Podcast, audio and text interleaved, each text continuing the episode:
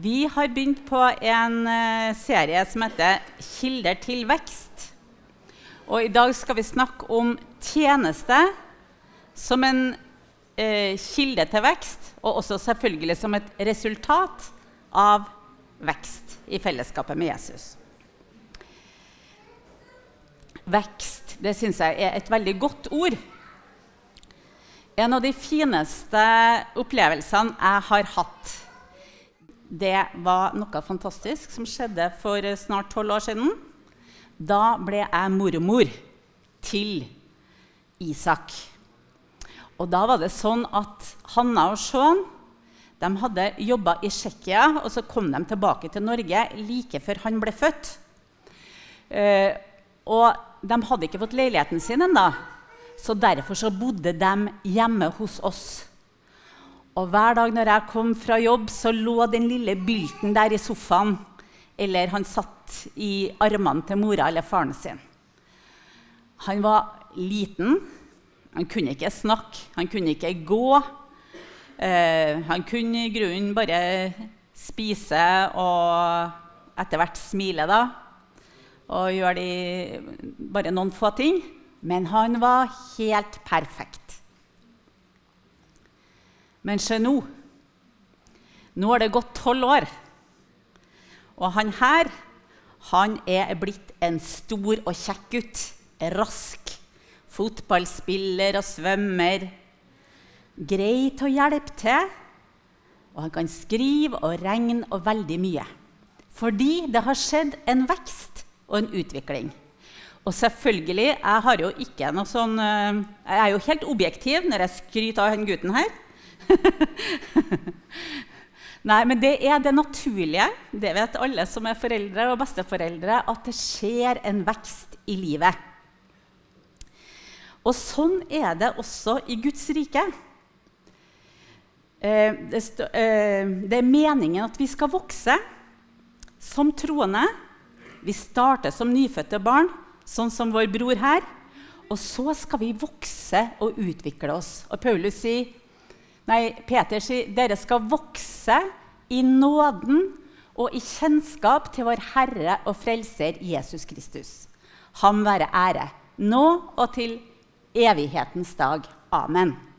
Så dette er den naturlige prosessen i den kristne eh, personen. At vi skal vokse og til og med bære frukt. Og den veksten hvis du eh, tenker på det å bære frukt da, Jeg skal si litt mer om det senere, men hvis du tenker et tre, så skal det få dypere røtter nedover, og så bærer det frukt oppover. Og sånn er det med eh, vår vekst også. Vi skal vokse innover, kan vi si, til å bli mer kjent med Jesus og utover i tjeneste for Gud. Jeg har lyst til å eh, nevne Moses eh, for å se på det perspektivet som er viktig å ha i livet. Det står i Hebreerne 11, 24-27. I tro nektet Moses da han ble stor, å kalles sønn av faraos datter. Han ville heller lide vondt sammen med Guds folk enn å nyte synden en kort tid. Han holdt Kristi vanære for en større rikdom enn skattene i Egypt. For han så fram til lønnen. I tro forlot han Egypt uten å frykte kongens vrede. Han holdt ut, for det var som om han så den usynlige. Moses han ble jo adoptert av faraos datter, så han ble en prins. Og han kunne virkelig valgt et behagelig liv på slottet der. Men når Gud kalte Moses, så var han villig til å forlate eh, det frie og behagelige livet og leve et annerledes liv. Og et på mange måter krevende liv, men langt ifra kjedelig, kan vi si. I tjeneste for Gud og for folket. Og hva var det som motiverte eh, Moses? Jo, det står Det var som han så den usynlige. Moses så noe som andre ikke så. Han så Gud. Han så Guds kall. Han så den tjenesten som Gud hadde foran. Han så det som ikke mennesker egentlig kan se. Og hvis vi ser Jesus, så er Jesus den som viser vei. Jesus sa om seg sjøl menneskesønnen er ikke kommet for å la seg tjene, men for selv å tjene og gi sitt liv som løsepenge mange steder. Dere kaller meg mester og herre, og dere gjør det med rette, for jeg er det. Jeg har gitt dere et forbilde. Slik jeg har gjort mot dere, skal også dere gjøre. Sånn at det er Hva ser vi? Hvis vi ser Jesus, så ser vi hvordan vi skal leve. Eller ser vi eh, den fantastiske ferien som vi bør ha? Eller hytta som eh, vi skal bygge eller har bygd? Eller huset som vi skal pusse opp? Eller, eller eh, eh, treninga Det som du trenger for å få den perfekte kroppen fordi du fortjener det? Altså, vi blir bombardert med det her inni vårt synsfelt. Og da gjelder det å vende blikket mot den usynlige og det livet som han har for oss. Og jeg sier, jeg sier ikke at noe galt å ha hytte eller pusse opp huset eller trene må man jo gjøre og spise sunt. Alt det der er veldig bra. Men hvor er vårt fokus, og hvor er vårt perspektiv? Ser vi den usynlige? Ser vi hans vei?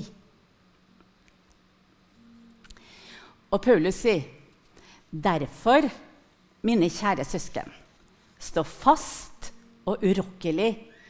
Arbeid raust og rikelig for Herren. For dere vet at i Herren er ikke deres strev forgjeves. Raust og rikelig, det er veldig fine ord. Og sånn er det vi skal leve, sier Guds ord. Og da er det kanskje noen som spør Hæ, skal vi begynne med gode gjerninger nå? Ja, det skal vi. Ja, og hva med nåden, da? Ja, den skal vi ha. Se her. Dette er et veldig bra vers vi hadde på husgruppa vår for et par uker siden. står i Titus brev. For Guds nåde er åpenbar til frelse for alle mennesker. Det er bare ved nåde at vi er frelst. Men den, altså nåden, opptok det oss til å fornekte ugudelighet, de vesle lystne, og til å leve sedelig og rettferdig og gudfryktig i den verden som nå er. Mens vi venter på det salige håp og åpenbaringen av den store Guds og vår frelser Jesu Kristi herlighet. Han som ga seg selv for oss for å løse oss ut fra all lovløshet og rense for seg selv et eiendomsfolk som med iver gjør gode gjerninger. Tal dette og forman og irettesett med all myndighet. La ingen forakte deg. Guds nåde, den frelser oss. Men Guds nåde, den jobber også i oss, sånn at vi kan leve et rettferdig liv, og vi kan med iver gjøre gode gjerninger, sier Bibelen. Det er fantastisk. Og alt det her, det er nådens verk. Ja. Og da har jeg lyst til å trekke fram én ting som jeg syns er veldig viktig når det gjelder tjeneste. Og det er gjestfrihet. Eh, for et par uker siden så var jeg og Arve på Tautra. Og vi så på klosterruinene, og vi gikk rundt der. Det jo veldig fint på Tautra, særlig i godvær. Og så for vi innom det her Mariaklosteret på tidebønn. Og så når vi kom inn i kiosken, her, så så vi denne plakaten. Velkommen. Alle gjester skal mottas som Kristus selv. Tenk å ha et sånt hjem, der dem som kommer, blir møtt som Kristus. Og hvordan er det å bli gjest i et sånt hjem? Det er veldig godt. Um, og jeg vet jo at det er veldig mange i menigheten her som praktiserer dette her. Altså Sean og Hanna, dere er et veldig godt eksempel. Her For eh, et par uker siden så hadde jo Sean hele fotballaget til Simon hjemme. Eh, og det gjør veldig godt for disse ville guttekroppene å komme inn i en kristen familie, bli tatt imot, få lov til å spise vet ikke, pølse eller pizza, jeg vet ikke hva de spiste, men å få del i et fellesskap. Eller hvis noen har vært hjem til Christine og Geir, det er jo veldig interessant. For der vanker det veldig mye forskjellige folk. Og de kommer inn og spiser, og så får de Guds ord, og så får de forbønn, og så får de formaning. Ja, og, og det er hele tida nye folk som dukker opp i familien der. Ungdommer fra alle kanter av verden, må jeg nesten si. Det er gjestfrihet. Og det er godt å komme og bli tatt imot.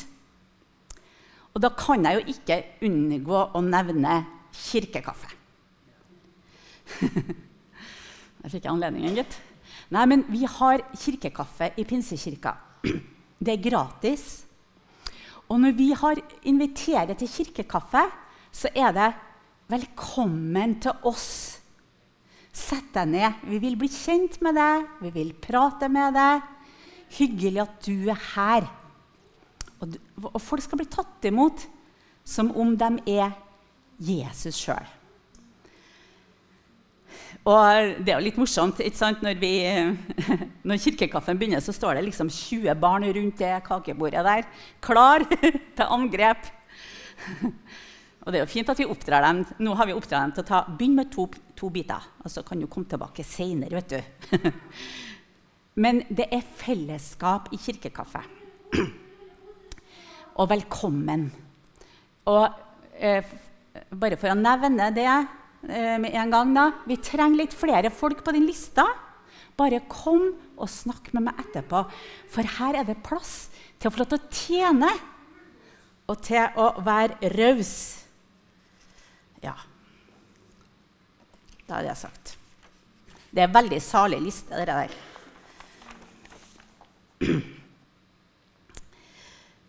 Og så eh, nevnte jeg det med frukt. Fordi at eh, tjeneste i Guds rike og livet i Guds rike det er ikke selvstrevets vei.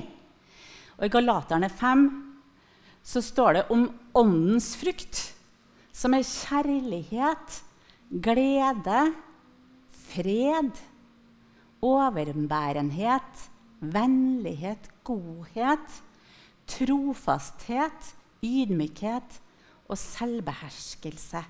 Og det her det er åndens frukt. Det er han som er fruktprodusenten.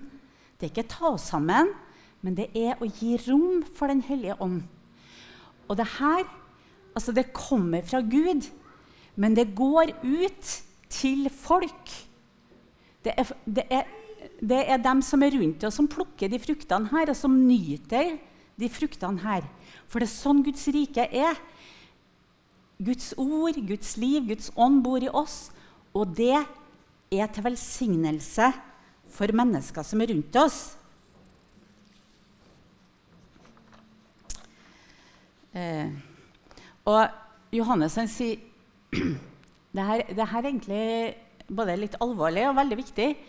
Han sier ingen har noen gang sett Gud. Men dersom vi elsker hverandre, blir Gud i oss. For den som ikke elsker sin bror, som han har sett, kan ikke elske Gud som han ikke har sett. Eh, hvis, hvis, vi elsker Gud, så gir det seg utslag i tjeneste for Gud og for våre medmennesker. Og trofast tjeneste. Jeg tenker på dem her som er på søndagsskolen. Søndag etter søndag etter søndag. Trofasthet. De har meldt seg til tjeneste. Eller teens og tweens. Og rydde og rigge her. Eh, være møteverter, vaktmester, matutdeling eh, Ja, det er så mange ting. Eh, lydkjøring, lyd og bilde. Så mange tjenester. Og Gud vil at vi skal være trofast i tjenesten. Og det har sin lønn.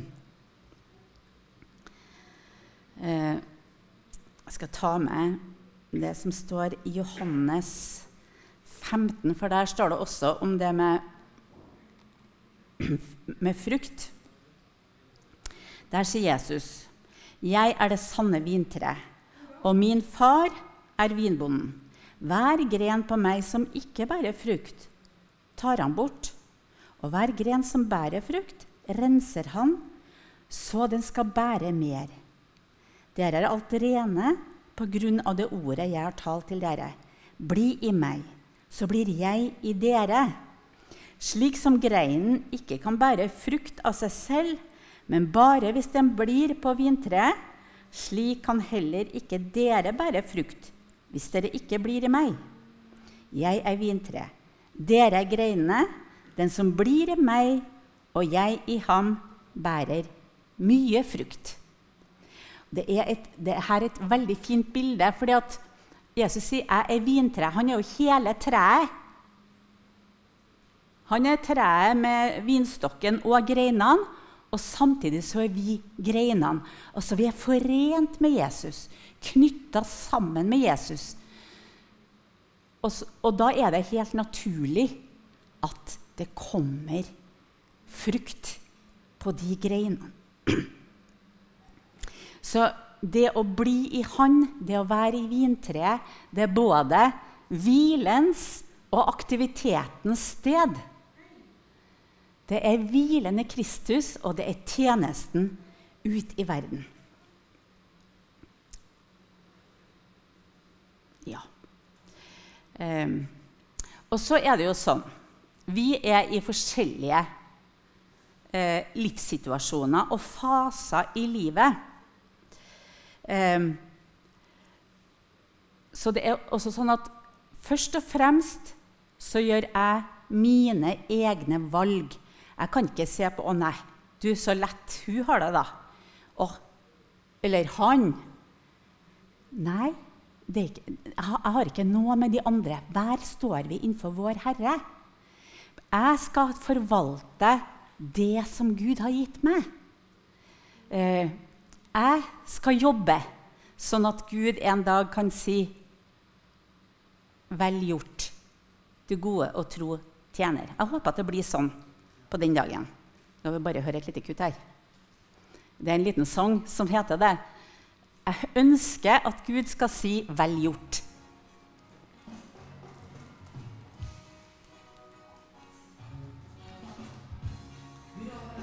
Når jeg står for Herren, så ønsker jeg at han skal si 'Vel gjort, du gode og tro tjener'. Bare kjør den litt opp, eh, Lennart.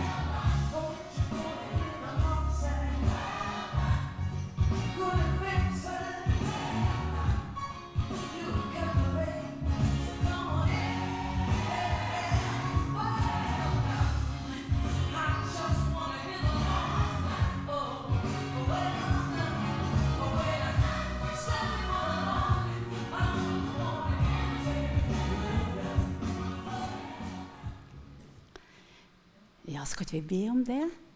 At den dagen jeg står for Herren, så skal Han si 'Vel gjort, du gode og tro tjener'. Du har vært tro i det lille, og jeg vil sette deg over mer. Det pundet som han har gitt meg, det er det mitt ansvar å forvalte. Eh, og så sa jeg at Vi skal ikke se på de andre. Du vet at Peter han var litt opptatt. Ja, hva, men hva skal skje med Johannes? De pekte på Johannes når de hadde en samtale med Jesus. Hva skal skje med han? Og så sier Jesus, 'Det skal ikke du bry deg om, Peter.' Hva angår det deg? Følg du meg. Og det må jeg også tenke. Eh, Jesus, hva betyr det for meg å følge deg?